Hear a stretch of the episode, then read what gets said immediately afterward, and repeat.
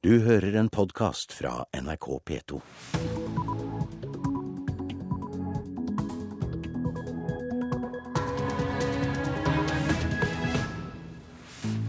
Da har vi kommet fram til onsdag 5. desember. Nå klokka 6.30 har vi disse overskriftene i Nyhetsmorgen. Akhtar Chaudhry tror SV vil tape i minoritetsmiljøene etter at han tapte nominasjonskampen i Oslo.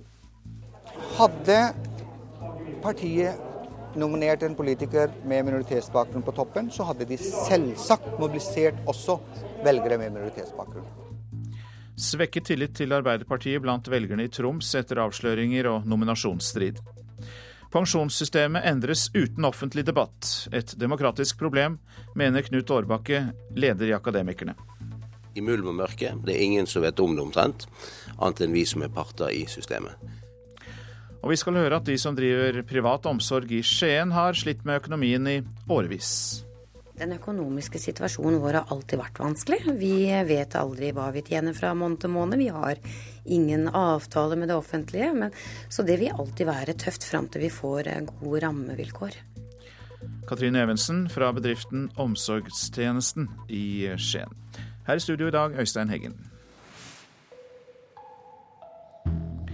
SV kommer til å miste stemmer i minoritetsmiljøene etter at Heikki Holmås ble valgt som partiets toppkandidat i Oslo. Ja, det tror Akhtar Chaudhry, som altså tapte nominasjonskampen mot Holmås i går kveld.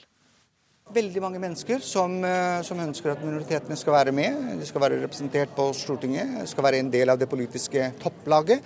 De er selvsagt skuffet. Stemmeseddel til valgene finner du inne i heftet. Ta godt vare på begge deler. Før møtet i går kveld. Det er satt ut 600 stoler på Sogn videregående skole ved Ullevål stadion. Det er ikke nok når medlemmene strømmer til for å stemme på den som i verste fall blir SVs eneste stortingsrepresentant etter neste valg. Toppkandidaten i Oslo. Heikki Holmås eller Akhtar Chaudhry. Det var spådd målfoto. Vi har bare snakket, eh, snakket med folk, eh, akkurat som, eh, som det er. Jeg må bare Hallo. Hallo. Ja. Akkurat dette. Vi har snakket med gode folk, både her og der. Og eh, mobilisert dem på partiets politikk. Veldig bra. Hva er spådommen? Eh, jeg håper jeg vinner. Jeg har fair sjanse til å vinne, så får vi se her inne. Det var rykte om at Chaudhry og hans folk hadde verva opp mot 300 nye medlemmer. Ja, jeg er helt ny, helt fersk i SV. Nettopp blitt medlem av SV. Ja, det, jeg tror det han er best uh, kandidat, syns, syns, jeg i hvert fall. Ville de nyverva avgjøre? For veteranen Iqbal Raja dreier det seg om framtida. Ja, for han har jobbet med politikk i 22 år. Og han har kommet seg helt opp til topp når det gjelder eh, norsk politikk. Og det ønsker vi at flere engasjerer seg. Og han er den som er et forbilde for veldig mange minoritets... Både barn og unge og uh, voksne. Så leverer de stemmesedlene sine. Ja, så har vi sett det. Skal du ha delegatnummeret?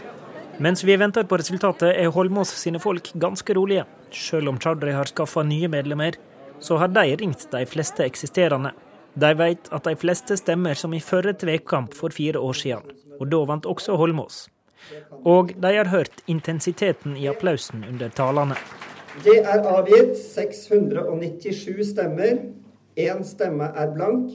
Det er avgitt 301 stemmer for Akhtar Chaudhry. 395 stemmer for Heikki Holmås. Heikki Holmås er nominert.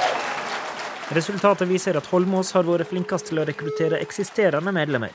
Chaudhry har ikke skaffa nok nye. Tror du det kan koste Oslo SV stemmer? La meg snu det. Hadde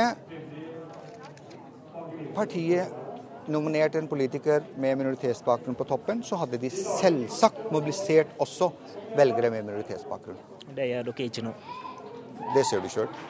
Vi har en toppkandidat i Aust-Agder som har minoritetsbakgrunn. Vi har to stykker på tredje- og flerdeplass her som skal være med på å dra lasset. Og vinner vi valget eh, klar, til neste høst, så vil vi også klare å ha minoritetsrepresentasjon på Stortinget. Mannen som havnet på førsteplass, Heikki Holmås til slutt, reporter Håvard Grønli. Franker Rossavik, du er kommentator i Bergens Tidende, har skrevet boka om SVs historie. Et forbilde for barn og unge voksne innvandrere, var dette intervjuobjektene som sa her. Har SV sagt nei takk til en mulighet for å mobilisere minoriteter? Kanskje, men dilemmaet er jo at uh, Akhtar Chaudhry, som har hatt så lang erfaring i uh, SV i Oslo, uh, ikke har klart å få støtte blant partiets eksisterende medlemmer. Han er, han, er, upopulær pga. sin pe pe personlige væremåte, pga. sin arbeidsmåte. Og, og, hvis man skal stå på topp i et norsk parti foran en vanskelig valgkamp, så er det vanskelig å komme unna at man bør ha støtte blant de som skal drive valgkampen også, ikke, bare blant de medlemmene som tilfeldigvis kommer innom i noen måneder og forsvinner igjen. Så din vurdering Rossavik, er da at det var eh, mannen, hans væremåte og hans politikk som sto i fokus, eh, og at den som man mente var best, var vinneren? Ja, helt klart. Eh, sånn som jeg tolker det, så er det stor lettelse i Oslo SV over at det gikk som det gikk i går. Holmås kan bli SVs eneste mann på Stortinget. Hva skal han og partiet gjøre for å unngå at han blir den eneste?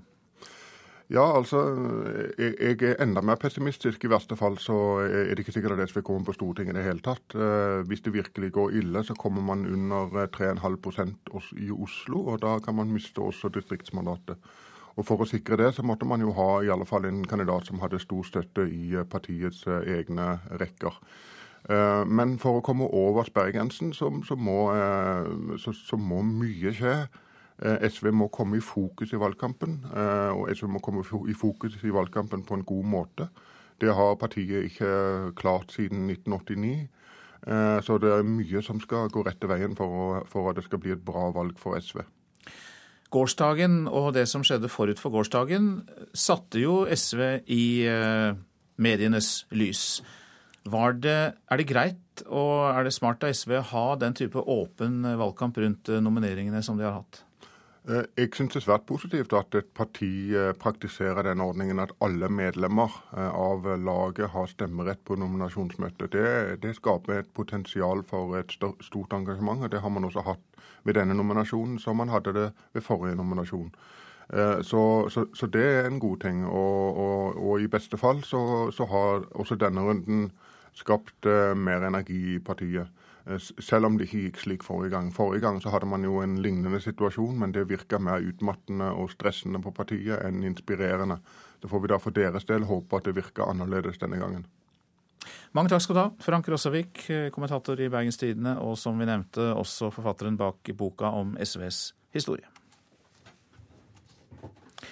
Leder i Troms Arbeiderparti, Bjørn Inge Mo, er skuffet, men ikke overrasket over svekket tillit til partiet.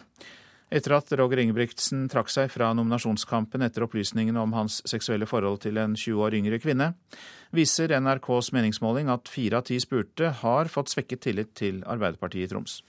Det er jo selvfølgelig beklagelig, men det kommer ikke som noe stor overraskelse. Dette er jo en, en veldig vanskelig sak, og det er jo kanskje noe av det verste man får å håndtere både i, i politiske samfunn i sammenhenger, men også ellers. Men samtidig så er det ganske naturlig òg. For det at denne målinga kommer noen få dager etter at man har fått en, en sjokkmelding, og samtidig så får man, man strid at det største kommunepartiet i fylket vil uttrykke mistillit til nominasjonskomiteen og vil kaste komiteen. Når du nå hører hva de som er spurt i denne meningsmålinga mener, Tror du dette får følger for eh, oppslutninga til Arbeiderpartiet i Troms ved stortingsvalget neste år? Arbeiderpartiet har tradisjonelt hatt en veldig sterk oppslutning i, i, i Troms. Og jeg tror faktisk gjennom, eh, gjennom klok håndtering fra alle tillitsvalgte i partiet sin side, så tror jeg faktisk at det er mulig å gjøre et veldig godt valg neste høst også. Bjørn Inge Mo, leder i Troms Arbeiderparti, reporter Øystein Antonsen. Britiske soldater anklages for å ha skutt og drept fire unge gutter fra kloss hold i Afghanistan. Drapene skjedde i en landsby i Helmand-provinsen 18.10, og skal ha skjedd under en militæroperasjon ledet av britiske styrker. Muligens var det spesialsoldater, skriver avisa The Guardian. De fire guttene skal ha sittet og drukket te da de ble drept.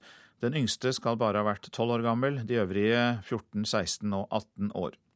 Familiene til ofrene har kontaktet advokat, som har rettet krav om gransking til Storbritannias forsvarsminister Philip Hammond.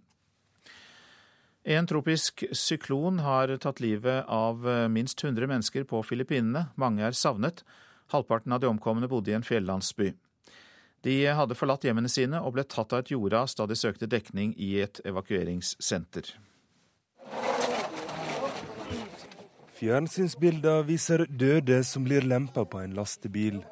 De hadde søkt dekning i en skole og i et samfunnshus, og trodde de var trygge.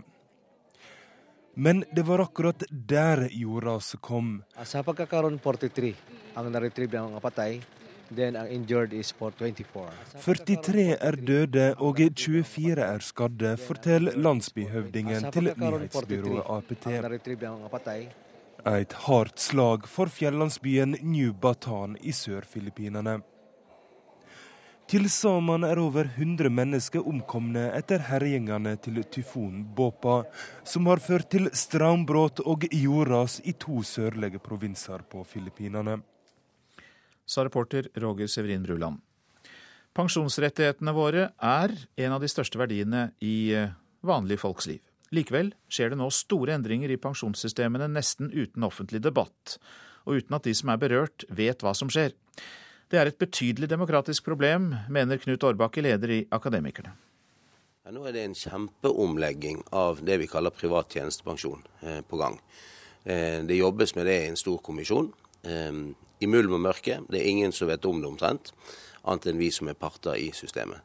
Eh, når vi spør eh, folk eh, kjenner de til disse omleggingene som skal skje, så er det bare 8% som sier at ja, det har de hørt om. Respons har på oppdrag fra Akademikerne gjennomført en undersøkelse som viser at nesten ingen vet om at reglene for private tjenestepensjoner nå endres. Og bare én av fem ansatte i privat sektor sier arbeidsgiverne involverer dem i diskusjonen om pensjonsordningene. Akademikerleder Knut Årbakke mener det burde være et alvorlig varsko for NHO. Og vi er bekymret for at man nå totalt overkjører folk uten at de vet hva som skjer. Kristin Diserud Mildal, som er prosjektdirektør for arbeidsliv i NHO, tror likevel virkeligheten er bedre enn tallene i undersøkelsen viser. Så kan det jo hende at mange svarer at de ikke har vært involvert, fordi det rett og slett ikke har vært noe endringsprosess å være involvert i. Og arbeidsgivere tar ansatte med på råd, sier Diserud Mildal. Vi tror at veldig mange bedrifter forholder seg til eh, regelverkene som gjelder i forhold til å ha styringsgrupper og, og ha gode prosesser og informere og ha dialoger med ansatte rundt endringer av pensjoner, i den grad de, de gjør det. Men, men til syvende og sist så er dette bedriftenes beslutning og, og styringsrett på det, som, det valget som gjøres. Men, men at man har en god dialog underveis, i hvert fall i svært mange tilfeller. Men både arbeidsgiverne og regjeringen svikter de ansatte dersom ikke alle får lov å være med på debatten, mener Knut Årbakke, leder i Akademikerne. Han er bekymret for at mange vil være helt uforberedte på en ny pensjonsvirkelighet neste år. Det vi vet nå, det er at i privat sektor så vil tjenestepensjonen se helt annerledes ut om et år i forhold til den er i dag. Så du mener at folk burde få muligheten til å delta i denne diskusjonen? Ja, altså Dette burde jo strengt tatt vært et valgkamptema. For det at eh, det har så mye å si for eh, den pensjonen du skal få når du blir eldre. Eh, Vi ser at eh, for visse grupper så kan det være snakk om å tape en million i totalpensjon. Det er mye penger, og det er klart at dette skjer i de lukkede rom og utenfor det som er en normal demokratisk offentlig debatt. Leder i Akademikerne Knut Årbakke, reporter Hedvig Bjørgum. Nå om en kjøreskolelærer i Flekkefjord som ble angrepet av en sint lastebilsjåfør på E39. Da Jan Rikard Robertsen kjørte med en kjøreskoleelev, opplevde de en lastebilsjåfør som nesten kjørte over skolebilen. Robertsen har nå politianmeldt lastebilsjåføren. Vi fikk en lastebil som la seg helt opp i ræva på oss. Så nærme at jeg tørde ikke la eleven kjøre videre. Jan Rikard Robertsen i Golins trafikkskole kjørte forrige fredag med en elev på E39 ved Regevik. Og Robertsen valgte å ta kontroll over skolebilen. Idet vi kjører lite stykke videre, så drar han forbi. Og istedenfor å fortsette forbikjøringa, så vrenger han inn foran oss, så vi må nødbremse for å ikke havne under hengeren eller i fender.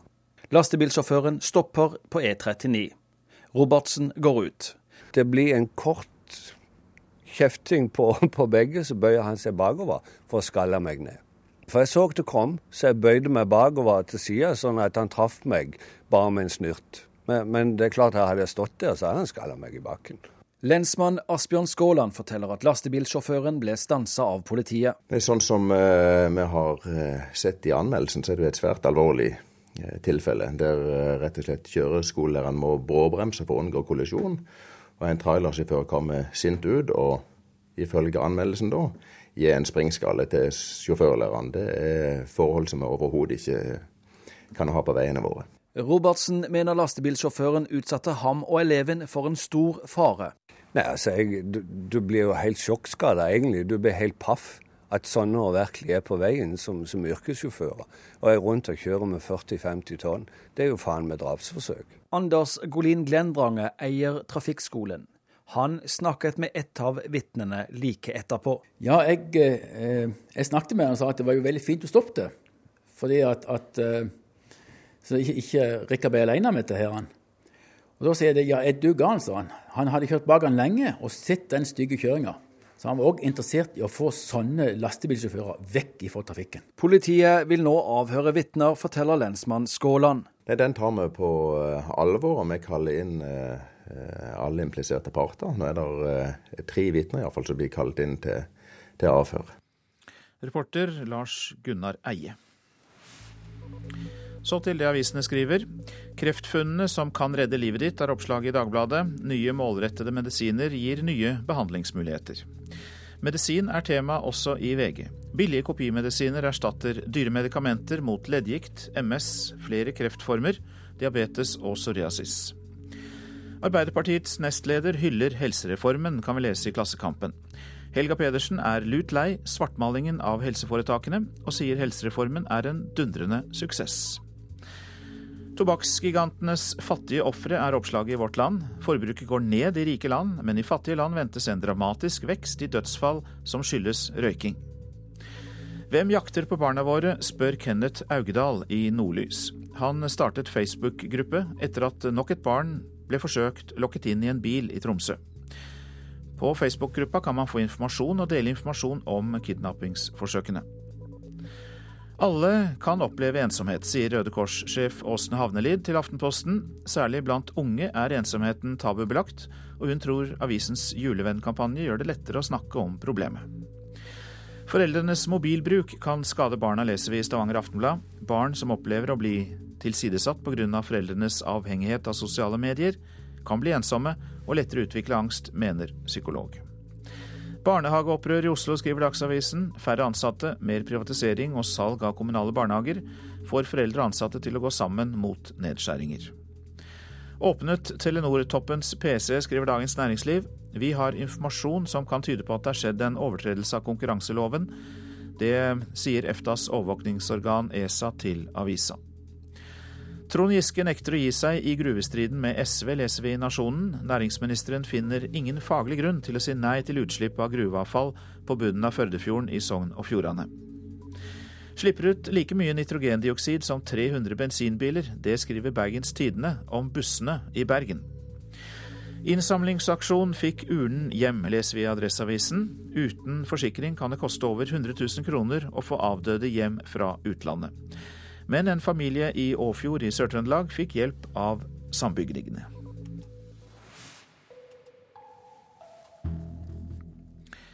Det kunne fort endt med tap, så det var viktig å få sikret de to poengene til slutt. Det sier spillere på kvinnelandslaget i håndball etter åpningskampen i EM mot vertsnasjonen Serbia i går kveld. Norge hadde føringen gjennom hele kampen, men de norske jentene gjorde det svært så spennende i sluttminuttene. Den smeller i eh, stolpen. Bom! Freidin setter den utsiden av stolpen.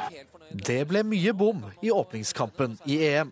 Og så er det inn til Heidi Løke, som brenner nok en 100 eh, sjanse. Når vi da slurver og ikke er helt på nett i, i enten det er avslutning alene med keeper eller litt unøyaktig innspill eller å snu oss tidsnok i returløp, så kommer de over oss. Men heldigvis for landslagssjef Torir Hergarsson, så har Norge Katrine Lunde Haraldsen. En fantastisk redning! Kommer opp med armen og ballen spretter til værs. Norge hadde en komfortabel ledelse på vertsnasjonen Serbia, men som så ofte før i åpningskamper så det ut til å gå helt galt for Norge. Men når kampen sto og vippet, sto en av de norske veteranene fram. Og Sulland, og så er det ut på kant og sett den, da! Linn Kristin Rigeløt Koren. Det er utrolig deilig at vi klarer å vinne i dag. Det er en sånn kamp som har litt å si, at det er godt å få to poeng i, at det ikke ble uavgjort eller, eller tap, som det fort kunne ha blitt. Så det er veldig deilig. Vi er ikke gode nok til å løpe hjem, men eh, jeg syns det viktigste nå er at vi får to poeng, og at vi faktisk skal vinne i en åpningskamp. Og det er veldig godt. På tampen der Heidi Løke, og vi hørte også Linn Kristin Rigelhot Koren. Reporter var eh, Patrick Steen Rowlands. Dette er Nyhetsmorgen. Klokka har passert 6.50, og vi har disse hovedsakene. Akhtar Shadri tror SV vil tape i minoritetsmiljøene etter at han tapte nominasjonskampen i Oslo. Men det er lettelse i Oslo SV etter at Heikki Holmås vant, sa kommentator Frank Rossavik her i Nyhetsmorgen. Svekket tillit til Arbeiderpartiet blant velgere i Troms etter avsløringer og nominasjonsstrid. At pensjonssystemet endres uten offentlig debatt er et demokratisk problem, mener Knut Årbakke, leder i Akademikerne.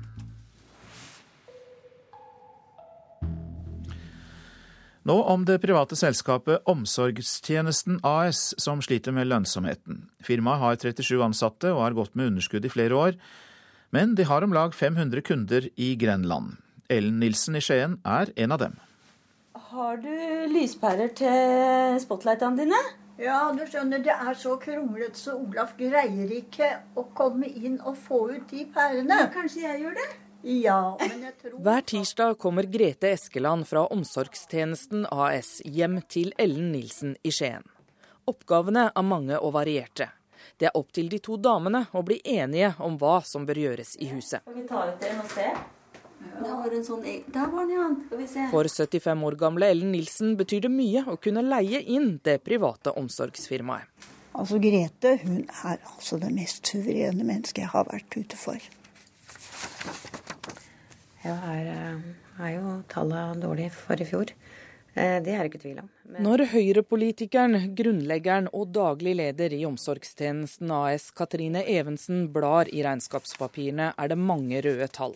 De siste sju åra har firmaet gått med underskudd. Den økonomiske situasjonen vår har alltid vært vanskelig. Vi vet aldri hva vi tjener fra måned til måned. Vi har ingen avtale med det offentlige. Men, så det vil alltid være tøft fram til vi får gode rammevilkår. Det vil det alltid være. Men eh, vi klarer oss godt, og vi er kommet for å bli. Det regnskapet viser er jo ganske mange røde tall. Hvorfor er det ikke god butikk? Det går noe med de rammevilkåra som jeg fortalte, fordi at eh, vi har ingen avtale med noen av kommunene. Så vi har liten forutsigbarhet. Eh, så det vil si når vi eh, mister en kunde, så må vi vente på en ny telefon. Vi kan ikke ringe til kommunen og si at vi har ledig kapasitet på en ansatt, men vi må fremdeles betale lønn til den ansatte. Og det er klart det gir en dødtid som gir en negativ kapital. Tjenester fra den private omsorgstjenesten koster 415 kroner i timen. Firmaet har rundt 500 kunder i kommunene i Grenland.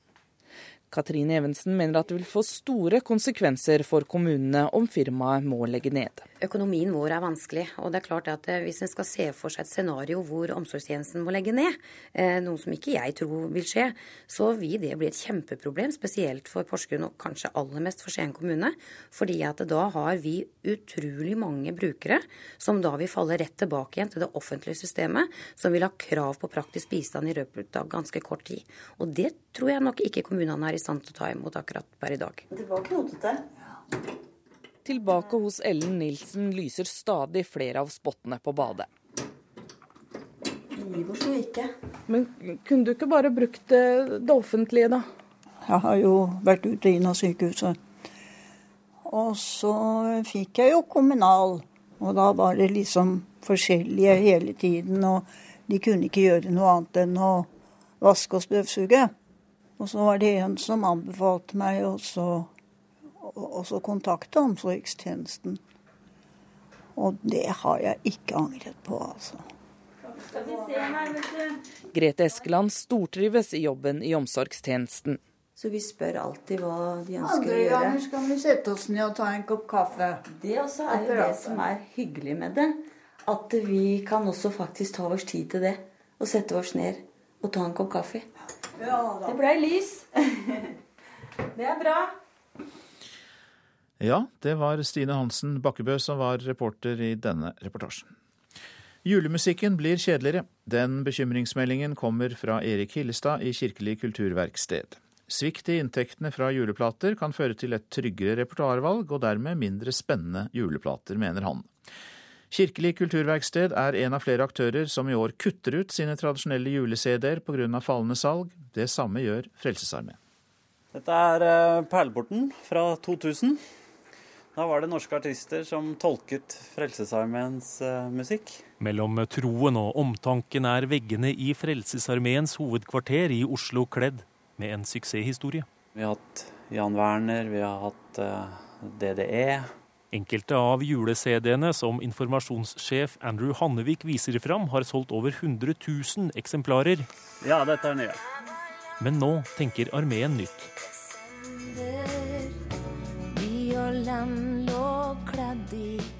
Etter ti år med juleplater selger de i år et julekort med en nedlastingskode til en ny sang fra Toten-trioen Narum. Det er et stort prosjekt å lage en hel uh, jule-CD. Det er en del konkurranse på det å komme ut med en god jule-CD. Og for å få det til å gå rundt og gi et godt bidrag, så, så er det mange CD-er som skal selges på kort tid.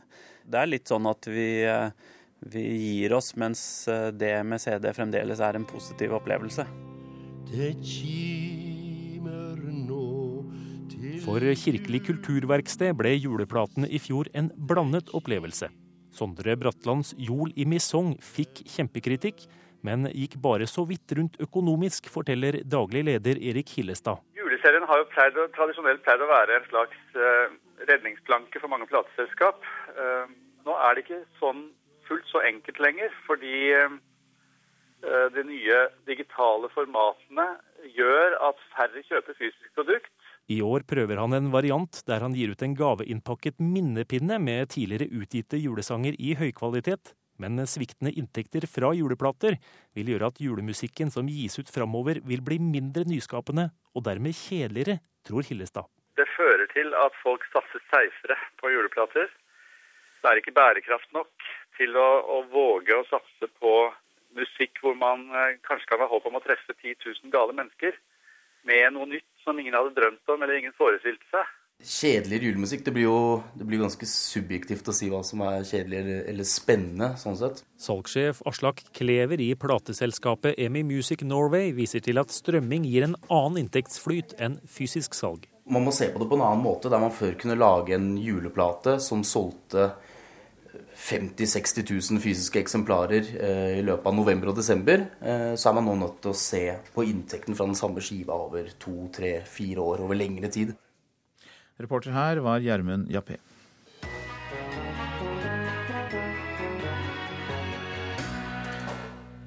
Etter å ha fått ei glissandofløyte fra komiker Jon Niklas Rønning, ble Gerd Liv Valla så begeistra at hun ga videre et par røde, høghæla sko til Marit Nybakk, påtroppende leder i Nordisk råd.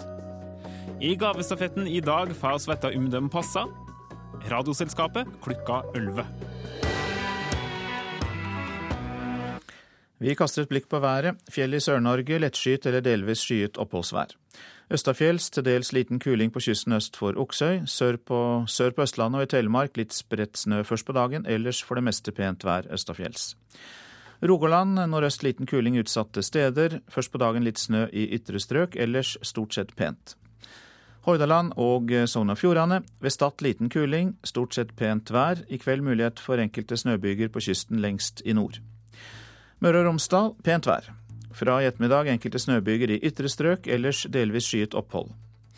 Trøndelag til dels pent vær, men utpå dagen enkelte snøbyger i ytre strøk. Nordland pent vær, i grensetraktene mer skyet. Troms pent vær, også der skyet i grensetraktene. Finnmark i kyststrøkene enkelte snøbyger, ellers delvis skyet oppholdsvær. Nordensjøland på Spitsbergen pent vær, mot kvelden enkelte snøbyger i vest. Temperaturer målt klokka fire. Alt er minusgrader. Svalbard lufthavn minus 13, Kirkenes minus 17, Varde minus 1, Alta minus 13. Tromsø minus 4, Bodø minus 8, Brønnøysund minus 7. Trondheim minus 15. Molde minus 9, det samme i Bergen minus 9. Stavanger minus 6, Kristiansand minus 12. Gardermoen minus 9, Lillehammer minus 11. Røros er nede i minus 22 grader, og Oslo-Blindern hadde minus 8 grader. Det var altså klokka fire i natt.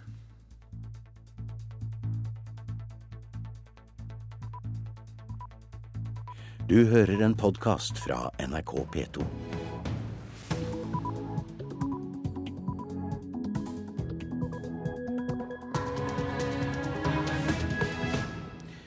Nyhetsmorgen lytter du til nå klokka sju. Her er en nyhetsoppdatering. Utdanningsforbundet krever lov om minimumsbemanning i barnehagene. I dag streiker de kommuneansatte i Oslo-barnehagene mot budsjettkutt og lavere krav til bemanning, og får støtte fra flere foreldre. Det aller viktigste i barnehagen er faktisk de ansatte. Så hvis det blir færre, så vil det gå utover sikkerheten og tryggheten til barna. Det sa mor i en av barnehagene i Oslo, Marit Astrup Bakke. Mange håper at ny forskning skal løse gåten rundt kronisk utmattelsessyndrom, ME.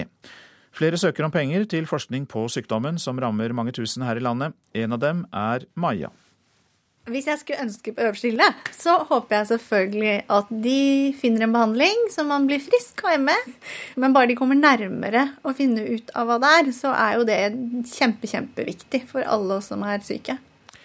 Mens Starbucks er i ferd med å få fotfeste på norsk jord, pågår det boikottaksjoner i Storbritannia fordi det multinasjonale kaffeselskapet ikke betaler skatt dit. SV kommer til å miste stemmer i minoritetsmiljøene etter at Heikki Holmås ble valgt som partiets toppkandidat i Oslo framfor meg, det tror Akhtar Shadri.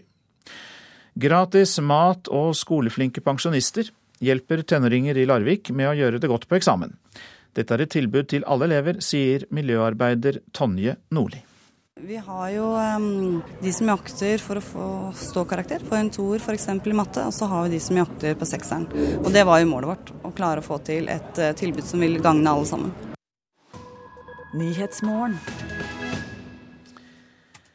Ja, velkommen til deg, utdanningsminister Kristin Halvorsen. Ja, god morgen. Vi skal snakke om barnehager, og først ja. skal vi høre et innslag fra Oslo. For uh, der kommer nemlig kravet om uh, minimumsbehandling i lovs form. Det er fra Utdanningsforbundet.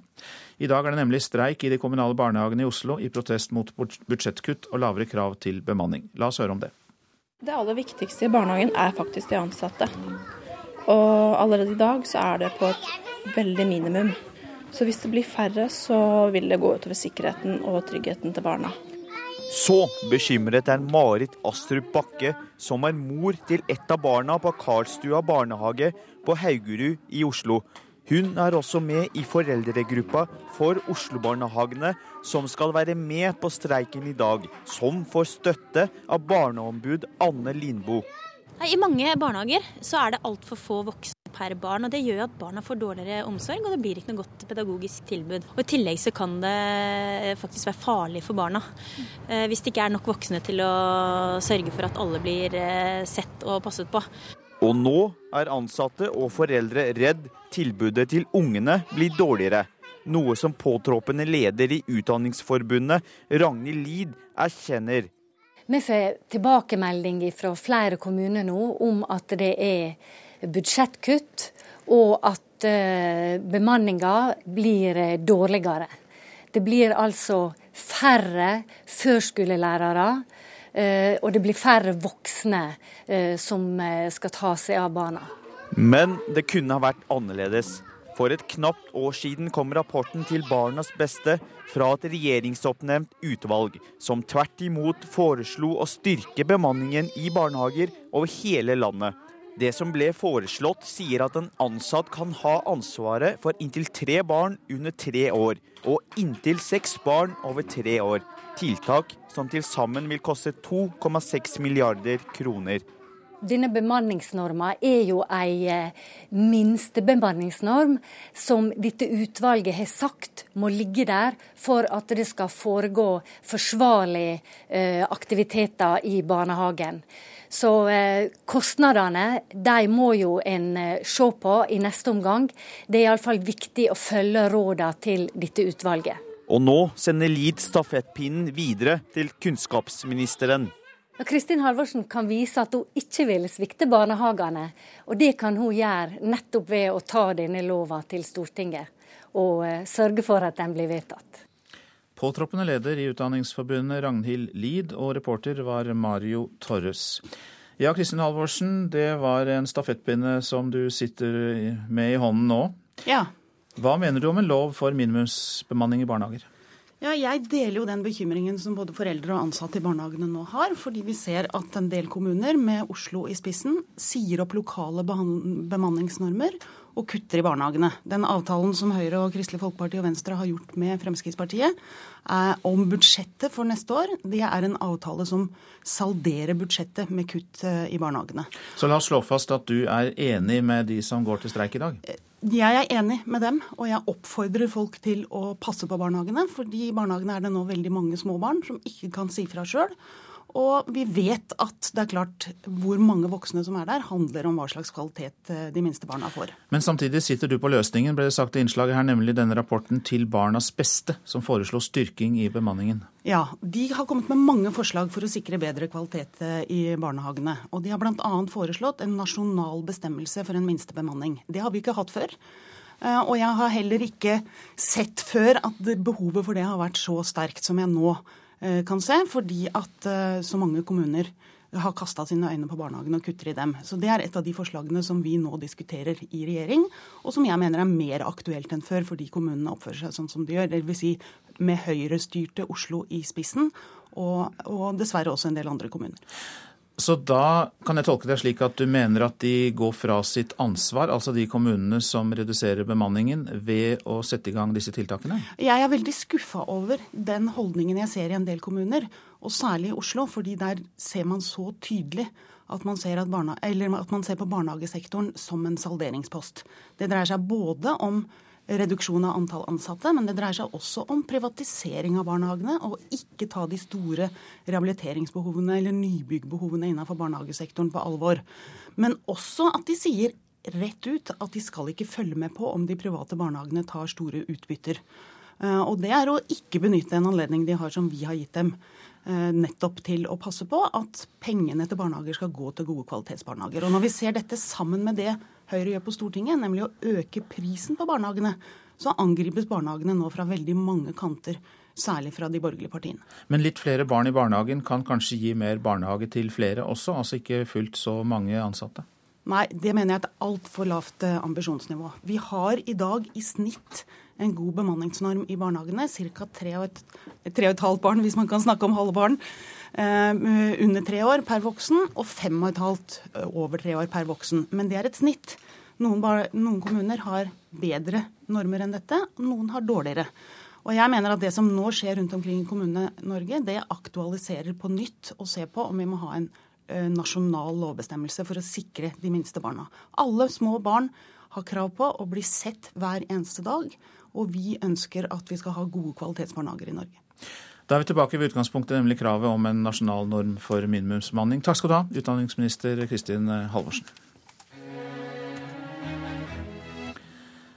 Så til at mange håper ny forskning skal løse gåten rundt ME, eller det som da kalles kronisk utmattelsessyndrom. I dag skal Forskningsrådet ta stilling til flere søknader om penger til forskning på denne omstridte sykdommen, som faktisk rammer mange tusen her i landet.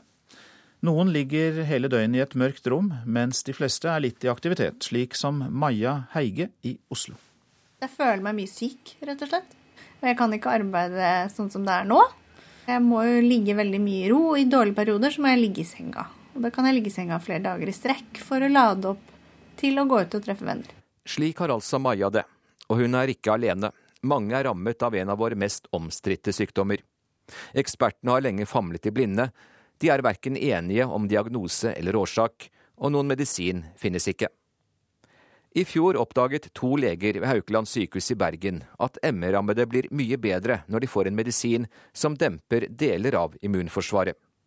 Oppdagelsen vakte internasjonal oppsikt, og nå har de to søkt om ni millioner kroner for å forske videre. Men også Folkehelseinstituttet vil ha penger til å forske på ME. De ber om like mange penger for å se nærmere på effekten av Lightning Process, som er en form for tanketrening som også skal hjelpe mot sykdommen. Søknaden har vakt sterke følelser og stor debatt på Facebook-sidene til Forskningsrådet, sier divisjonsdirektør Jesper Simonsen. Det har vært eh, overraskende stor i forhold til hvordan vi vanligvis merker interesse for forskning. Her er det et, et skikkelig engasjement, og det syns vi er veldig positivt. Det skulle vært mer av sånn på flere områder. De fleste er enige i at det er forsket for lite på denne sykdommen, men MS-søknadene konkurrerer med mange andre prosjekter, og kanskje når de ikke opp i det hele tatt. Men da finnes det heldigvis andre løsninger, sier Simonsen. Dersom dette prioriteres av eh, myndighetene, så kan de kanalisere mer penger inn mot de programmene vi har som eh, er mer retta inn mot denne sykdomsgruppen. Som mange MS-syke er Maja oppløftet av resultatene fra Haukeland, selv om hun frykter at det fortsatt er en lang vei å gå. Hvis jeg skulle ønske på øverste hylle, så håper jeg selvfølgelig at de finner en behandling så man blir frisk og hjemme. Men bare de kommer nærmere å finne ut av hva det er, så er jo det kjempe, kjempeviktig for alle oss som er syke. Og så får vi vite hvilke forskningsprosjekter som får penger i formiddag. Reporter var eh, Hans-Jørgen Solli. Jørgen Gjelstad, velkommen. Du har skrevet boka 'De bortgjemte' om ME-syke. Og hvorfor har det blitt en så omstridt sykdom?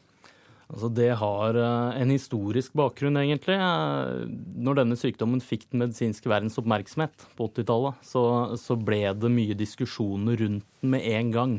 Eh, mange innen det medisinske miljøet mente at dette bare var en innbilt sykdom, at det var en type kultursykdom, det handla om utbrenthet og lignende ting. Eh, og det ble ikke møtt med særlig stort alvor. Eh, så fikk det også et annet navn, og også kjent under kronisk utmattelsessyndrom, som jo heller ikke understreka alvoret i sykdommen.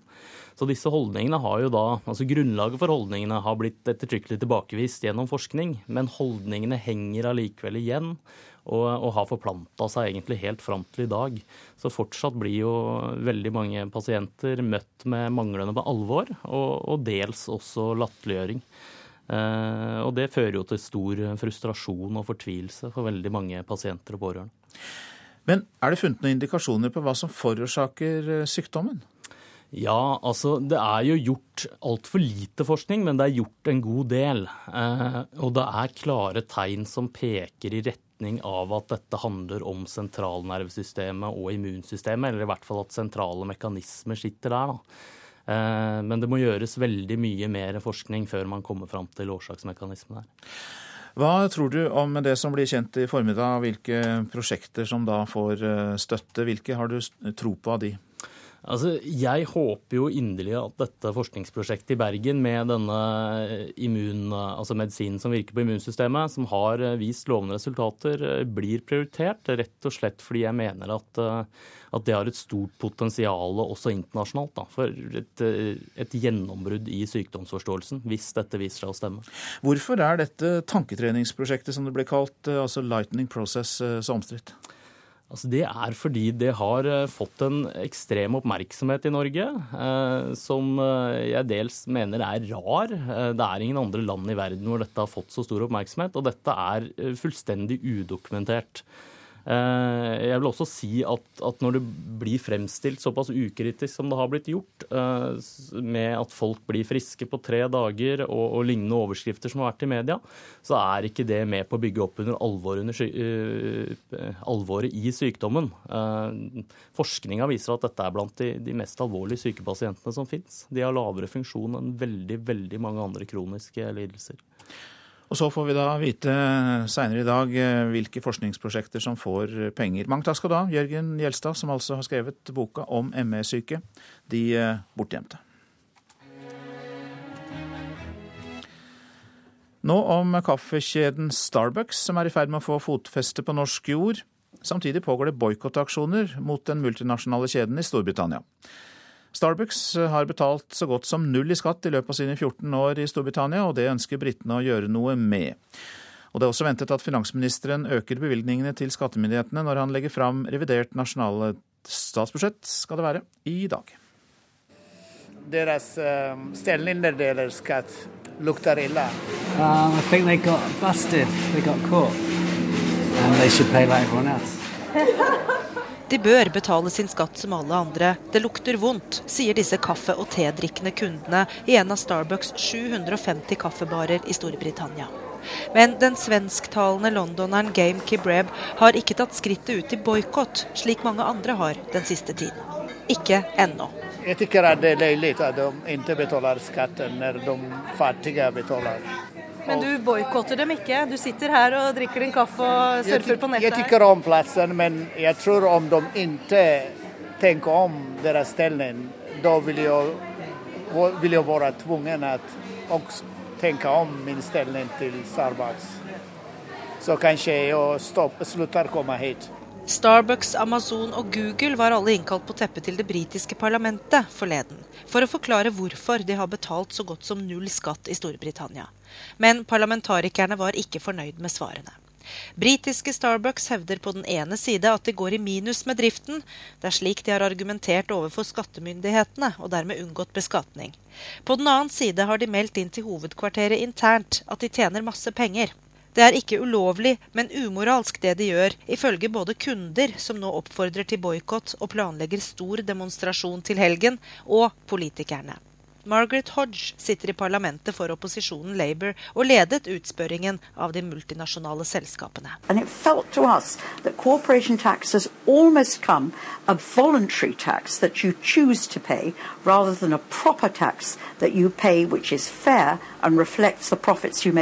Pay. Det virker som om selskapsskatt er blitt frivillig, sier Hodge, som krever at skattemyndighetene tar grep. I dag legger finansministeren fram revidert statsbudsjett. Det er ventet at han der vil bevilge mer penger til bekjempelse av skatteunndragelser, men samtidig er britiske myndigheter interessert i arbeidsplassene de multinasjonale selskapene skaper. Dermed trekkes regjeringens vilje til å ta grep i tvil.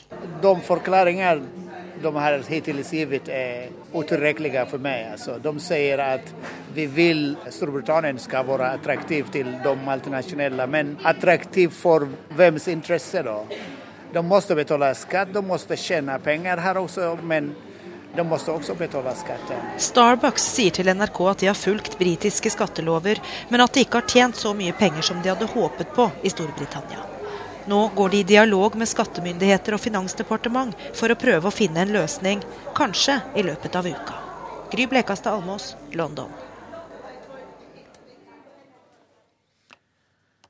Dette er Nyhetsmorgen, og klokka den nærmer seg 7.17. Vi har disse hovedsakene. Kunnskapsministeren må sørge for en lov om minimumsbemanning i Norges barnehager. Det krever Utdanningsforbundet. I Afghanistan blir britiske soldater anklaget for å ha skutt og drept fire unge gutter på kloss hold. Akhtar Shodri tror SV vil tape stemmer i innvandringsmiljøene etter at han tapte nominasjonskampen i Oslo mot Heikki Holmås. I går kveld var det store demonstrasjoner i Egypts hovedstad Kairo mot president Mohammed Morsi. Demonstrantene kalte selv denne markeringen for en siste advarsel. Og eh, og eh, vi går først til deg, eh, utenriksminister Espen Barth Eide. Du er i Brussel og har vært til stede på Natos utenriksministermøte. Eh, er dette som skjer i Egypt et tegn på at den arabiske våren har gått over til både høst og vinter? Nei, det tror jeg ikke det er riktig å si. Men jeg mener at det vi ser er at det er mange meninger og, og også mange uenigheter i flere av de arabiske landene som nå har kattet kastet av seg de gamle diktaturene og leter etter en eh, ny vei. og Egypt er et eksempel på det. Eh, mellom nye og gamle krefter, og mellom ulike syn på hvordan fremtiden skal se ut. Det kan se dramatisk ut, men det er også en veldig viktig prosess Egypt nå går gjennom i forhold til f.eks. For hva slags grunnlov de skal ha, og hvordan de skal sikre maktfordelingsprinsippene. Midtøsten-korrespondent Sigurd Falkenberg Mikkelsen, du er også med oss. Hvordan har utviklingen vært i natt eh, når det gjelder disse demonstrasjonene mot presidenten? Det var jo et eh, veldig spent eh, øyeblikk i går da demonstrantene gikk forbi, trengte seg gjennom de politisperringene rundt presidentpalasset og samlet seg og omringet presidentpalasset. Eh, da og president Morsi selv forlot presidentpalasset, og det kom ganske truende meldinger fra Det muslimske brorskapet om at de holder demonstrantene og de som sto bak demonstrasjonene ansvarlig for alt som skjer. Eh, men etter det så gikk det rolig for seg, og jeg var der ute. Og det var en eh, veldig god stemning utenfor presidentpalasset. Mange demonstranter, men ingen gjorde noe forsøk på å ta seg inn i selve bygget. og De var der for å demonstrere mot presidenten, men også mot det de oppfatter som det muslimske brorskapet, som nå de mener holder på å ta all makt i landet. Hva kan bli det neste skritt for demonstrantene, selv om de kalte det de holdt på med i går, en siste advarsel? De har et uh, problem uh, fordi de uh, i hvert fall så langt ikke er i stand til å, å forandre det engasjementet de har på gateplan til et mer substansielt politisk prosjekt. De protesterer, men de har ennå ikke et, et ordentlig apparat til å gjøre at de får ordentlig gjennomslag på, på bakken. Sånn at de må også klare å organisere et, et, politisk prosjekt. Eh, og Første testen kommer jo da til eh, bare om halvannen uke, hvor det skal stemmes om en ny eh, grunnlov. Og Det debatteres jo intenst om de skal boikotte eller ikke. og Det minner veldig om situasjonen for et år siden, da de hadde den samme debatten i forkant av parlamentsvalgene. Utenriksminister Espen Barth Eide, du er fortsatt med oss eh, fra Brussel. Eh, det var vel sikkert noe bekymring om Egypt på dette Nato-møtet også, men eh, hovedfokuset var vel rettet mot Syria. Og mm. hvorfor var det så viktig å gi Tyrkia ja på spørsmålet om såkalte patriotraketter? Ja, la meg jeg bare si først eh, om Egypt og Nato-møtet. at eh, I Nato-møtet var det faktisk eh, betydelig, nesten begeistring for den rollen Morsi har spilt bl.a. i å bidra til slutt på Gaza-krigen. Så, så, Morsi er faktisk i stigende grad populær internasjonalt. Både Ahmed Avotolo, altså den tyrkiske utenriksministeren, og Hillary Clinton snakket meget pent om den rollen som Morsi har spilt der. Men så til Tyrkia.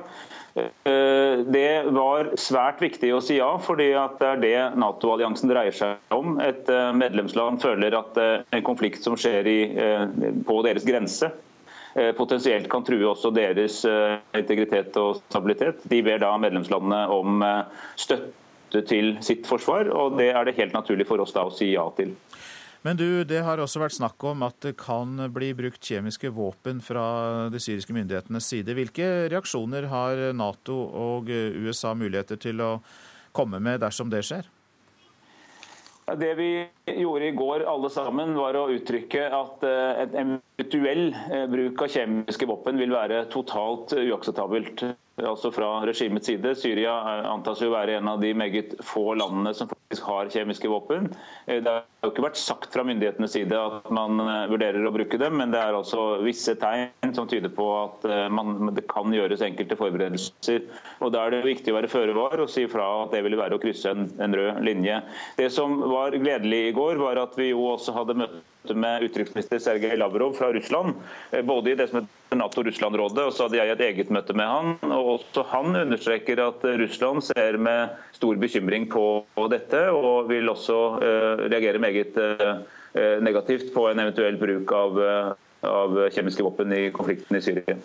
Det er jo bekymring på alle kanter, men kan Nato komme til å angripe syriske myndigheter dersom de bruker kjemiske våpen? Det har ikke vært noen diskusjon om å gjøre det du kaller angripe syriske myndigheter. Spørsmålet om det er mulig å se for seg eh, f.eks. Å, å, å sikre eh, lagrene av kjemiske våpen i en, eh, i en, bestemt tenkt situasjon. Og Når jeg nevner Lavrov, så er det jo fordi at med Lavrov til stede, så var jo da fire av de fem faste medlemmene av FNs sikkerhetsråd med i diskusjonen. Og I bunn og grunn er jo dette en diskusjon som eh, først og fremst må føres i Sikkerhetsrådet, som er de som har myndighet til, eh, til å ta eh, de mest dramatiske beslutningene i verden. Og, og, Derfor mener jeg det var verdifullt å ha diskusjonen med ham. Eh, jeg vil sterkt understreke at det eh, å utplassere raketter på grensen mellom Tyrkia og Syria på ingen måte i seg selv antyder at Nato er på vei inn i konflikten. Men det er klart at uh, vi er opptatt av at Nato har en diskusjon om hva som skjer i Natos nærområder. Og Syria er Natos nærområde, for det grenser direkte til et stort medlemsland, altså Tyrkia. og Da må vi ha en diskusjon om det, uten at den nødvendigvis skal ende opp med f.eks. en militær intervensjon. Ok, Takk skal du ha, utenriksminister Espen Barth Eide. Så til det avisene skriver. Kreftfunnene som kan redde livet ditt, er oppslag i Dagbladet. Nye målrettede medisiner gir nye behandlingsmuligheter. Medisiner er tema også i VG. Billige kopimedisiner erstatter dyre medikamenter mot leddgikt, MS, flere kreftformer, diabetes og psoriasis. Arbeiderpartiets nestleder hyller helsereformen, kan vi lese i Klassekampen. Helga Pedersen er lut lei svartmalingen av helseforetakene. Tobakksgigantenes fattige ofre er oppslaget i Vårt Land. Forbruket går ned i rike land, men i fattige land ventes en dramatisk vekst i dødsfall som skyldes røyking. Hvem jakter på barna våre, spør Kenneth Augdal i Nordlys. Han har startet Facebook-gruppe etter at nok et barn er forsøkt lokket inn i en bil i Tromsø, og der kan man få informasjon og dele informasjon. Alle kan oppleve ensomhet, sier Røde Kors-sjef Åsne Havnelid til Aftenposten. Særlig blant unge er ensomhet tabubelagt. Hun tror avisens julevennkampanje gjør det lettere å snakke om problemet.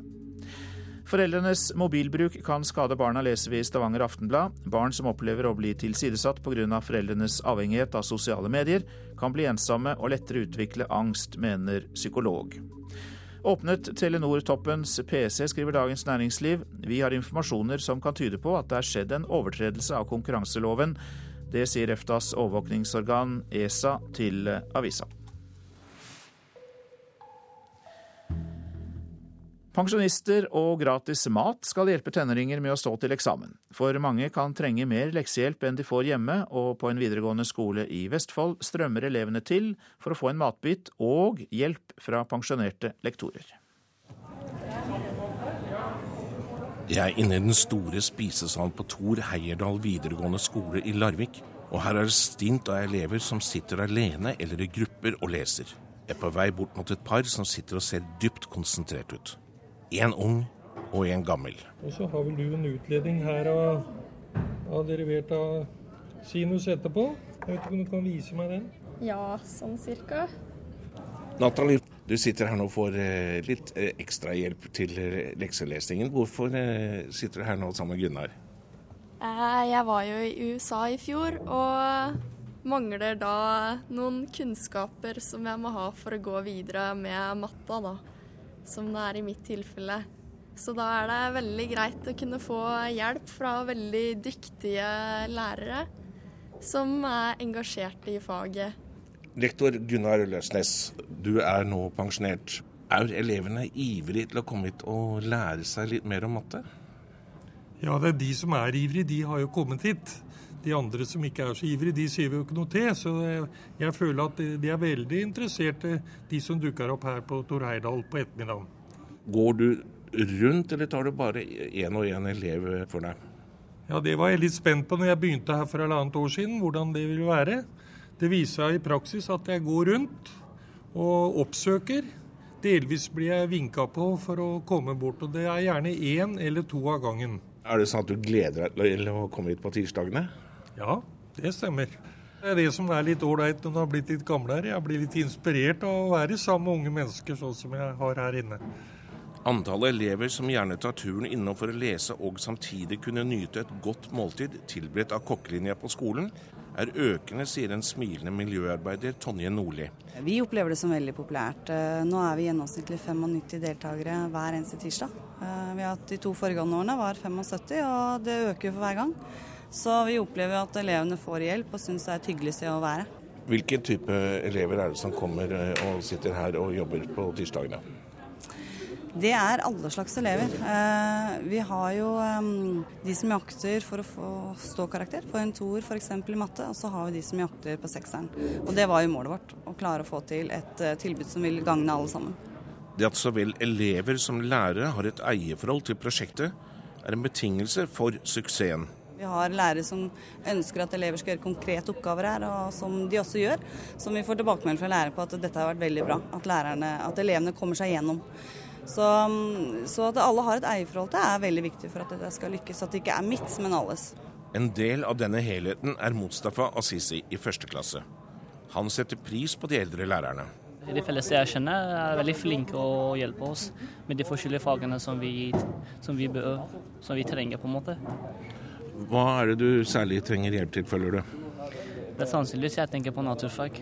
Også naturfag er en av de eh, vanskeligste fagene som jeg sliter med. De skryter fælt av den maten som kokkelinja lager. Hjelper eh, det noe særlig at de serverer mat her? Ja, egentlig.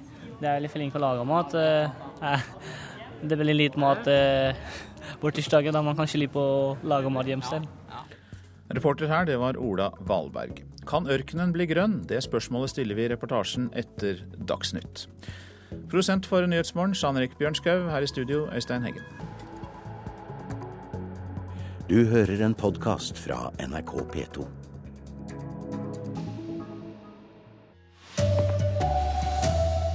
Utdanningsforbundet krever lov om minimumsbemanning i barnehager. Det er farlig med for få voksne, mener Barneombudet. Britiske soldater blir skylda for å ha drept fire gutter på Klosshold i Afghanistan. Og det blir færre juleserier i år. Mange dropper tradisjonen etter sviktende sal. Her er NRK Dagsnytt, klokka er 7.30. Kunnskapsministeren må sørge for en lov om minimumsbemanning i barnehagene. Det krever Utdanningsforbundet. Barneombud Anne Lindboe mener det er farlig for barna dersom det blir for få voksne. I dag streiker ansatte i kommunale barnehager i Oslo i protest mot budsjettkutt og lavere bemanning. Allerede i dag så er det på et veldig minimum. Så hvis det blir færre, så vil det gå utover sikkerheten og tryggheten til barna. Så bekymret er Marit Astrup Bakke, som er mor til ett av barna på Karlstua barnehage på Haugerud i Oslo. Hun er også med i foreldregruppa for Oslo-barnehagene, som skal være med på streiken i dag. Som får støtte av barneombud Anne Lindboe. I mange barnehager så er det altfor få voksne per barn. og Det gjør at barna får dårligere omsorg, og det blir ikke noe godt pedagogisk tilbud. Det blir rett og slett oppbevaring. Og I tillegg så kan det faktisk være farlig for barna. Eh, hvis det ikke er nok voksne til å sørge for at alle blir eh, sett og passet på. Men det kunne ha vært annerledes. For et knapt år siden kom rapporten til Barnas beste fra et regjeringsoppnevnt utvalg, som tvert imot foreslo å styrke bemanningen i barnehager over hele landet. Det som ble foreslått, sier at en ansatt kan ha ansvaret for inntil tre barn under tre år, og inntil seks barn over tre år. Kristin Halvorsen sitter jo på løsninga. Eh, hun fikk for eh, snart ett år siden eh, en offentlig utredning fra et utvalg. Og i den utredninga så ligger det en ferdig lovtekst, et utkast til en lovtekst, som hun kan ta til Stortinget og sørge for at den lova blir vedtatt. Reporter var Mario Torres. Og kunnskapsminister Kristin Halvorsen sier hun forstår foreldre og de ansatte godt.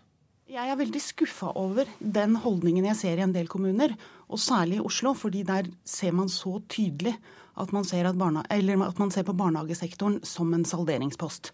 Det dreier seg både om reduksjon av antall ansatte, men det dreier seg også om privatisering av barnehagene, og ikke ta de store rehabiliteringsbehovene eller nybyggbehovene innenfor barnehagesektoren på alvor.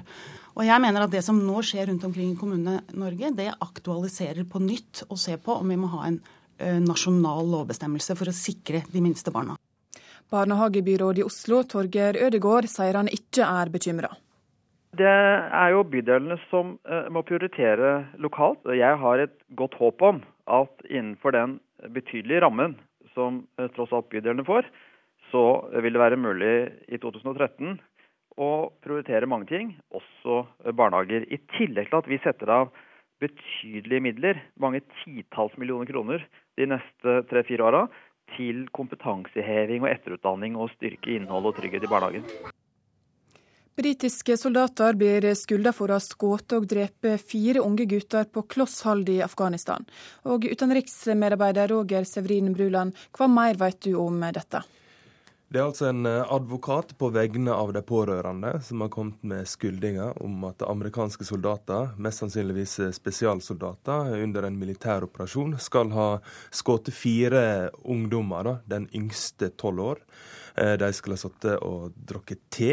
De skal ikke ha vært bevæpna eller ha vært en del av denne geriljarørsla eller motstandsbevegelsen i Afghanistan. Så det den advokaten ber om, er at det britiske forsvarsdepartementet gransker denne hendinga. Og Forsvarsdepartementet har sagt at de skal se på det og komme med et grundig svar. Takk til deg, Roger Severin Bruland. SV kommer til å miste stemmer i minoritetsmiljøene etter at Heikki Holmås ble valgt som partiets toppkandidat i Oslo. Det tror Akhtar Chaudhry, som tapte nominasjonskampen mot Holmås i går kveld. Veldig mange mennesker som, eh, som, ønsker at minoritetene skal være med. De skal være representert på Stortinget, skal være en del av det politiske topplaget. De er selvsagt skuffet. Stemmeseddel til valgene finner du inne i heftet. Ta godt vare på begge deler. Medlemmene strømte til for å stemme på den som kan bli SVs eneste stortingsrepresentant etter neste valg. Toppkandidaten i Oslo. Heikki Holmås eller Akhtar Chaudhry. Det var spådd målfoto. Vi har bare snakket, eh, snakket med folk, eh, akkurat som, eh, som, det er. Jeg må bare Hallo. Hallo. Ja. Og det var rykte om at Chaudhry og hans folk hadde verva opp mot 300 nye medlemmer. Ja, jeg er helt ny, helt fersk i SV. Nettopp blitt medlem av SV. Ville de nyverva avgjøre? For veteranen Iqbal Raja dreier det seg om framtida. Han er et forbilde for mine barn, og jeg ønsker at mine barn også skal engasjere seg i samfunnet, i politikk. Det er derfor jeg vil stemme på Akhtar Chaudhry.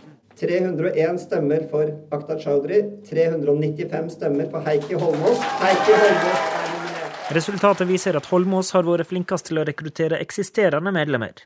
Chaudhry har ikke skaffa nok nye. Tror du det kan koste Oslo SV stemmer? La meg snu det. Hadde partiet nominert en politiker med minoritetsbakgrunn på toppen, så hadde de selvsagt mobilisert også velgere med minoritetsbakgrunn. Det gjør dere ikke nå? Det ser du sjøl. Reporter var Håvard Grønli. Mange håper ny forskning skal løse gåta rundt kronisk utmattingssyndrom, ME. I dag skal Forskningsrådet ta stilling til flere søknader om penger til forskning på den omstridte sykdommen, som rammer mange tusen her i landet. Maja Heige i Oslo er ei av dem.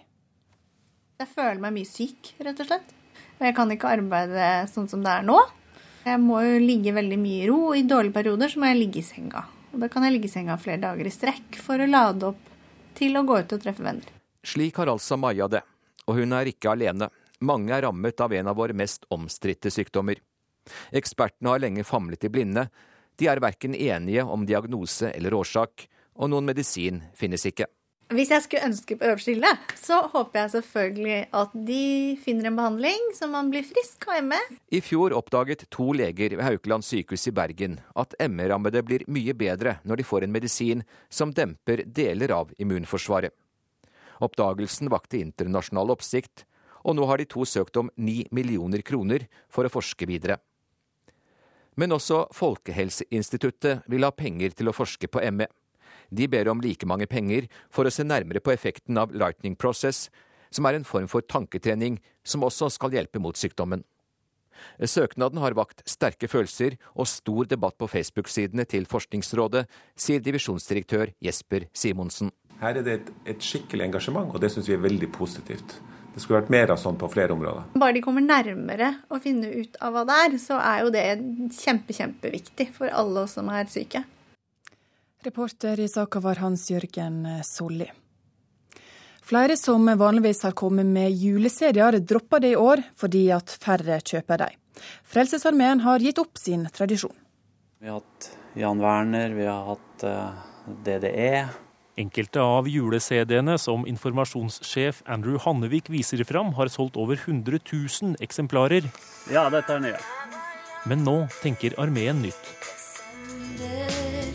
Etter ti år med juleplater selger de i år et julekort med en nedlastingskode til en ny sang fra Toten-trioen Narum. For Kirkelig kulturverksted ble juleplatene i fjor en blandet opplevelse. Sondre Bratlands Jol i misong fikk kjempekritikk, men gikk bare så vidt rundt økonomisk, forteller daglig leder Erik Hillestad. Juleserien har jo pleid, tradisjonelt pleid å være en slags uh, redningsplanke for mange plateselskap. Nå er det ikke sånn fullt så enkelt lenger. Sviktende inntekter fra juleplater vil gjøre at julemusikken som gis ut framover vil bli mindre nyskapende, og dermed kjedeligere, tror Hillestad. Det fører til at folk satser seifere på juleplater. Reporter var Gjermund Jappé. Nå sport. I en kamp som fort kunne endt med tap, var det veldig viktig å sikre to poeng. Det er dommen fra de norske håndballjentene etter åpningskampen i EM mot eh, vertsnasjonen Serbia. Linn Kristin Riglot Koden er fornøyd. Jeg følte vi var i driven selv om de tok gjennom målet. Jeg visste at vi liksom hadde mer å gå på. Men så var det liksom det å få det ut, da. Så det er en sånn kamp som har litt å si at det er godt å få to poeng i. At det ikke ble uavgjort eller, eller tap, som det fort kunne ha blitt. Det sier fornøyd Linn Kristin Reglot Korn. Ansvarlig for eh, sendinga var Bjørn Kristian Jacobsen. Det tekniske ansvaret hadde Hanne Lunås. Mitt navn er Ingvild Ryssdal.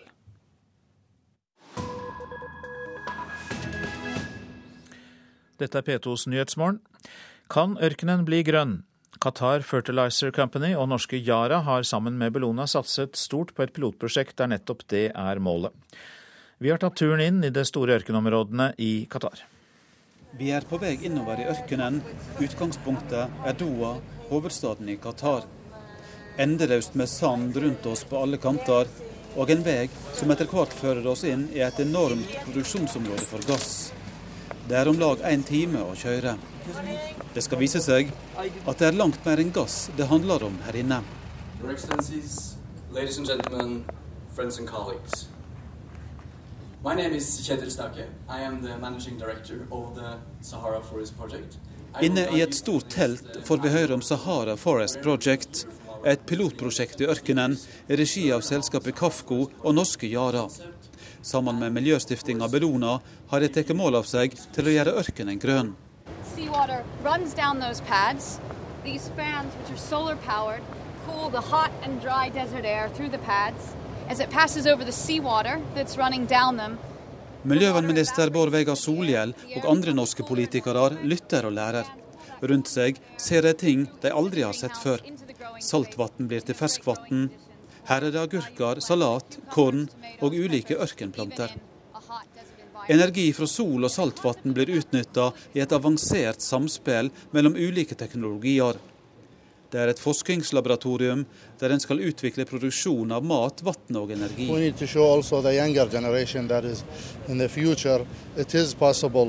to use other uh, means than the oil and gas, to use the energy from the sun, uh, the seawater, to make a produce. Vi må vise de unge at det er mulig å bruke andre energikjelder enn olje og gass, sier toppsjefen i Kafko, Khalifa A. al-Suwaidi.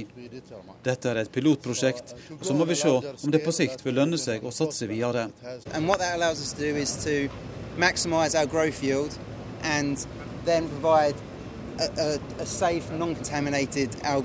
harvest stock that we can then feed into the open ponds you can see here.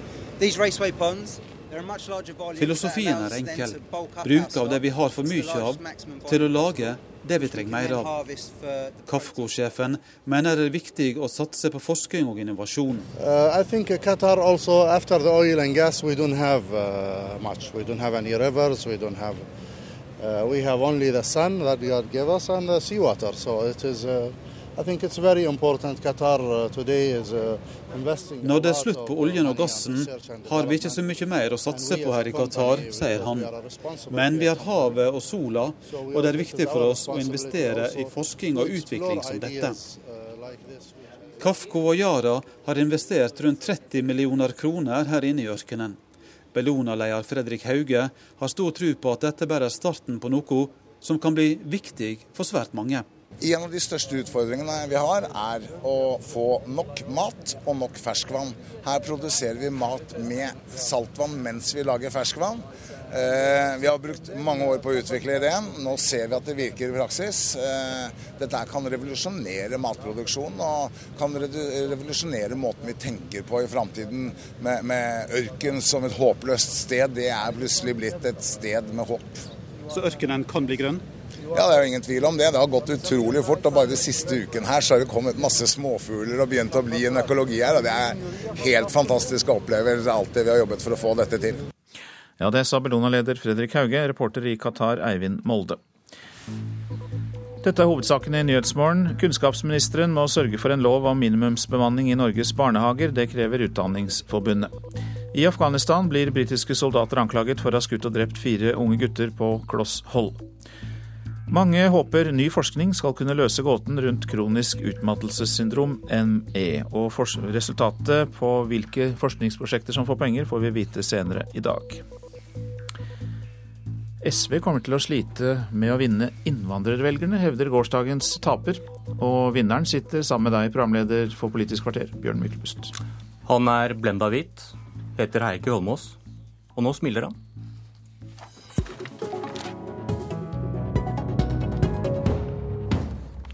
Den som vet hvordan pølser og stortingsnominasjoner blir til. Har du sovet godt, Heikki Holmås? Sovet litt grann urolig, men, eh, men, så skulle jeg også opp klokken seks for å komme meg på, eh, på Østlandssendingen i dag og, og, ha en prat om, eh, om, nominasjonen. For det er klart at eh, nå begynner den lange valgkampen. Det har Audun Lysbakken pisket oss ut til å være med på. Og, og dette var på en måte starten for Oslo-valgkampen for SV sitt vedkommende. Men du, nominasjoner det bringer fram det beste i folk? Altså, jeg synes jo at det opplegget som vi har i Oslo SV, som er ganske unikt i landssammenheng, der et fylkeslag inviterer alle medlemmene sine til å være med på å bestemme ja, Jeg hørte kommentatoren Frank Rossavik sa at dette her er noe som flere partier burde prøve ut, fordi at det er liksom en øvelse i demokrati som er ganske stilig. Og, men det er klart at det gjør jo at for oss som er involverte, så er det ganske skummelt. For vi vet ikke utfallet før vi både ser hvem det er som kommer, og hvor mange som kommer, og hva det er de bestemmer seg for. Det har vært påstander om utskjelling. Det er denne omstridte vervekampanjen. Det er ikke, det er ikke helt Troms-Ap, men likevel? Nei, altså det er jo en, det er en ryddig affære. Eh, men det, er, men det, er, klart at det er jo mye som står på spill. fordi at vi skal velge det som er partiets eh, fremste tillitsvalgte, i, nemlig stortingsrepresentantene. Eh, inn mot, inn mot, et valg som kommer til å bli veldig tøft, og der vi for andre gang på rad skal Eh, gjøre det vi kan for å forsvare en, en regjeringsposisjon. Og det, det, er klart, det blir tøft. og Derfor står det mye på spill. Oslo SV hadde sjansen til å sende en med minoritetsbakgrunn på Stortinget, men vi har kanskje kommet så langt i Norge at SV kan heve seg over slikt?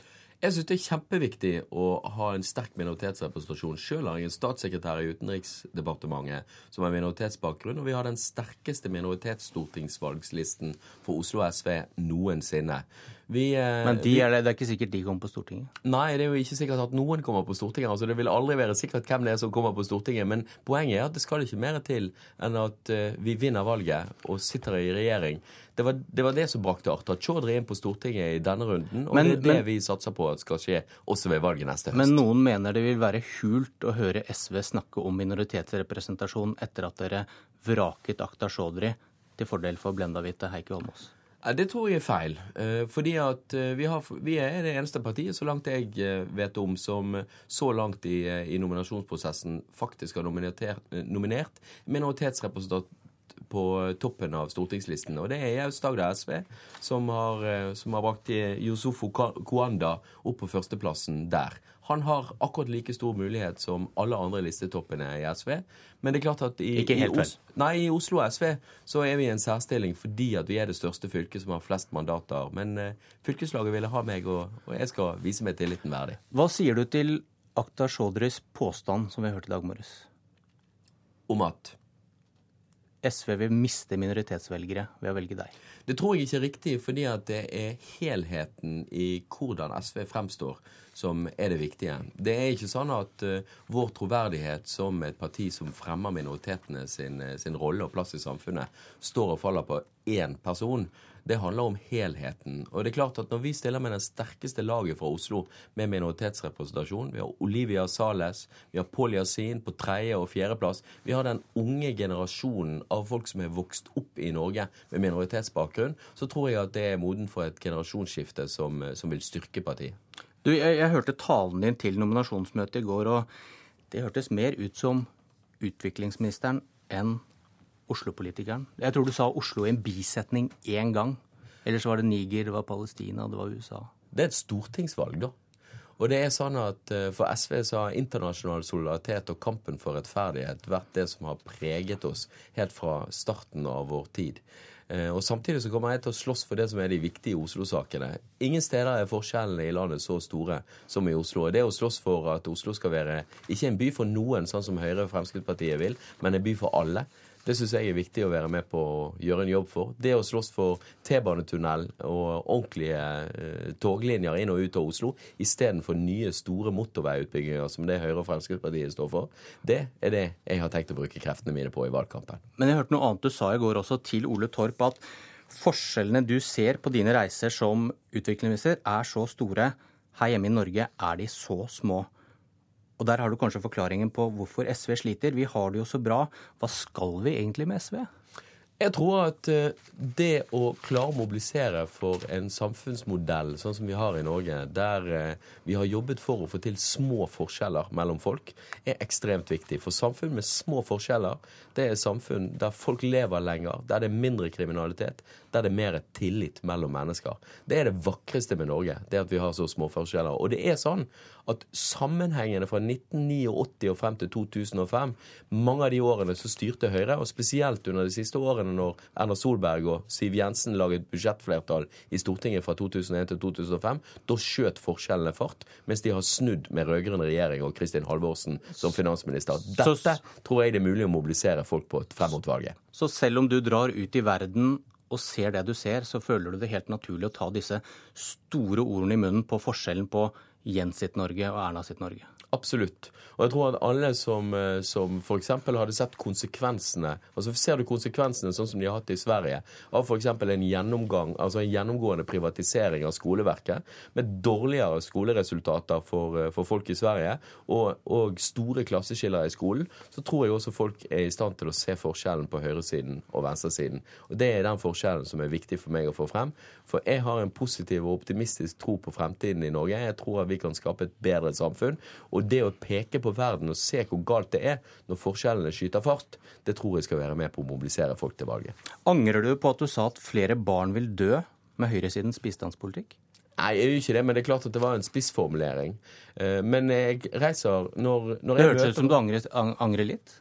Nei, men det var en spissformulering, og vi bringer ikke debatten om eh, norsk utviklingspolitikk veldig mange skritt videre med å, med å, legge, med å legge an på diskusjonen om hvor mange folk det er som dør. Ok, Vi, vi går, går, ikke inn i det, men, men blir, blir, det det samme som å si at flere vil dø pga. storm og uvær hvis Arbeiderpartiet fikk bestemme klimapolitikken alene? Nei, for jeg vet at Det er også en spissformulering. Men Arbeiderpartiet styrer på eh, Soria Moria-erklæringen, og jeg vet at Jens eh, er genuint opptatt av å stoppe de farlige klimaendringene.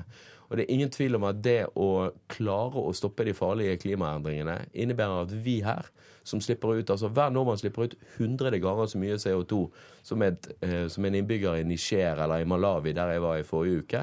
Men det er de som merker de store endringene i, eh, Det er de som merker klimaendringene gjennom mer tørke, mindre nedbør.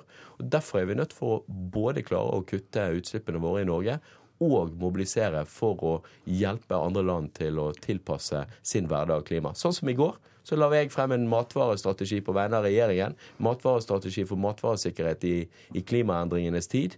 Den handler nettopp om, eh, om, hvordan fattige land skal kunne tilpasse seg eh, klimaendringene som kommer, fordi at det er avgjørende for å redde liv. Men er ikke SV avhengig av å vise velgerne forskjellen til Arbeiderpartiet, ikke til høyresiden, Nei. for å vise at dere betyr noe?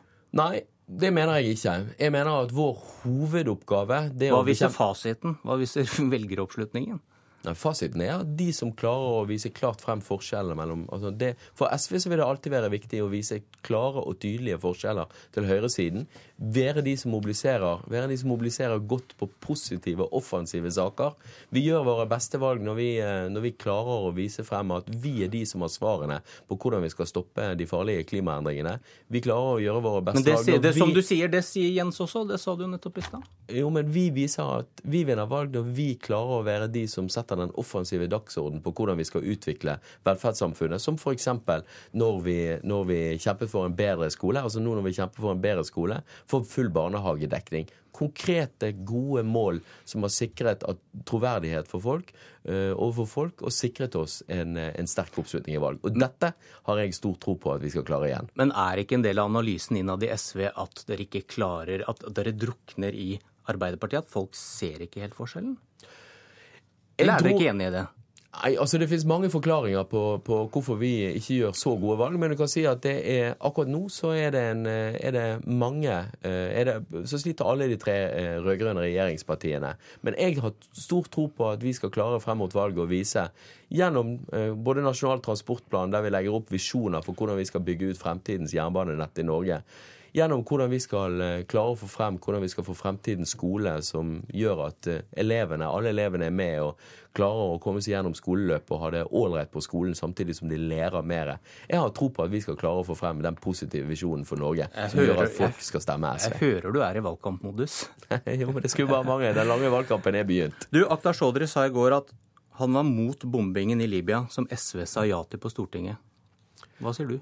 Han sa, at, eh, han sa, det at, stortingsgruppen gikk inn for, eh, for bombingen av Libya, og landsmøtet bekreftet det senere. Men det er ingen tvil om etter hvert som eh, Libya-operasjonen rullet fremover, og du fikk se at han endret karakter fra å bare være å ta vare på de sivile, til også å bombe Muammar Gaddafi i så stor grad som, som, som, vi gjorde, og noe som førte til regimeskifte, og, og som har skapt store problemer i regionen. F.eks.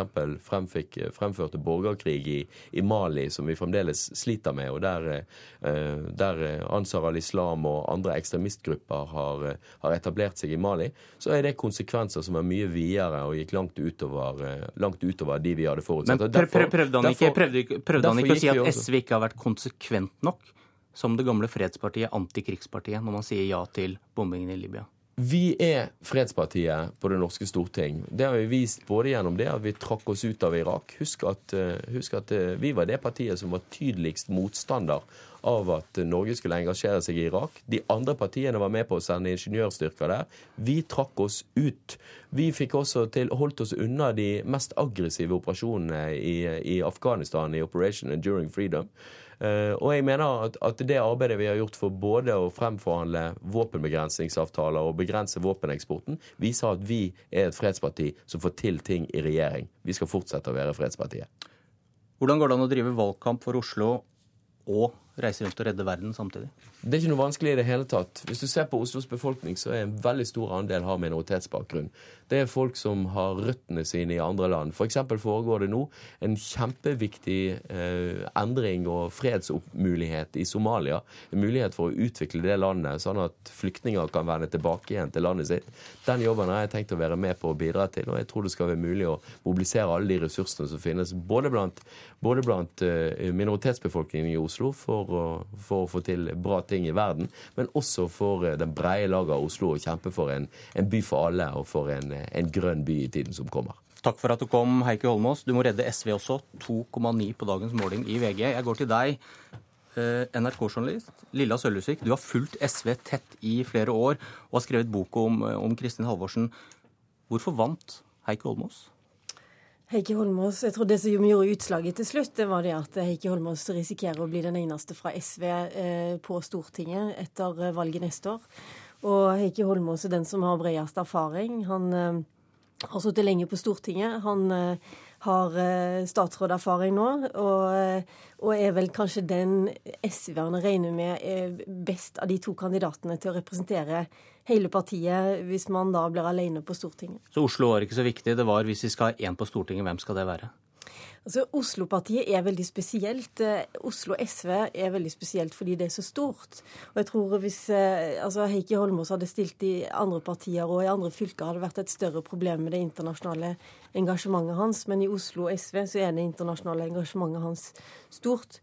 Så, så eh, jeg tror ikke at det er, et, det er en hemsko for han sånn sett. Nå hørte jeg Holmås i går si at han er mot å sitte alene på Stortinget. Det har han ikke noen planer om. Men hvis han nå blir det, SVs eneste på Stortinget, kan han da også bli partileder? Jeg tror ikke det. Eh, Heikki Holmås hadde en veldig lang eh, valgkamp som eh, partilederkandidat i fjor. Han holdt ut i mange måneder etter at de andre innså at det var Audun Lysbakken som skulle bli partileder. Han hadde ikke flertall. Bård Vegar Solhjell trakk seg etter bare noen uker fordi han innså akkurat det. Eh, det at eh, Heikki Holmås holdt ut såpass lenge, det skal jo for så vidt han ha kred for, fordi han gir seg aldri. Men det blir vel også oppfatta som hans eh, svakhet, at han kanskje burde innse litt før når han burde gi seg. Han hadde ikke sitt eget parti, altså ikke sitt eget lokallag verken Oslo SV eller Grünerløkka som han er fra, i ryggen da han stilte som lederkandidat. Så det er en bratt bakke. Og jeg tror også man skal huske på her at Audun Lysbakken tror jeg har et litt lengre perspektiv enn til stortingsvalget neste år. Da sier jeg takk til deg, NRK-journalist Lilla Sølhusvik. Du har hørt en podkast fra NRK P2.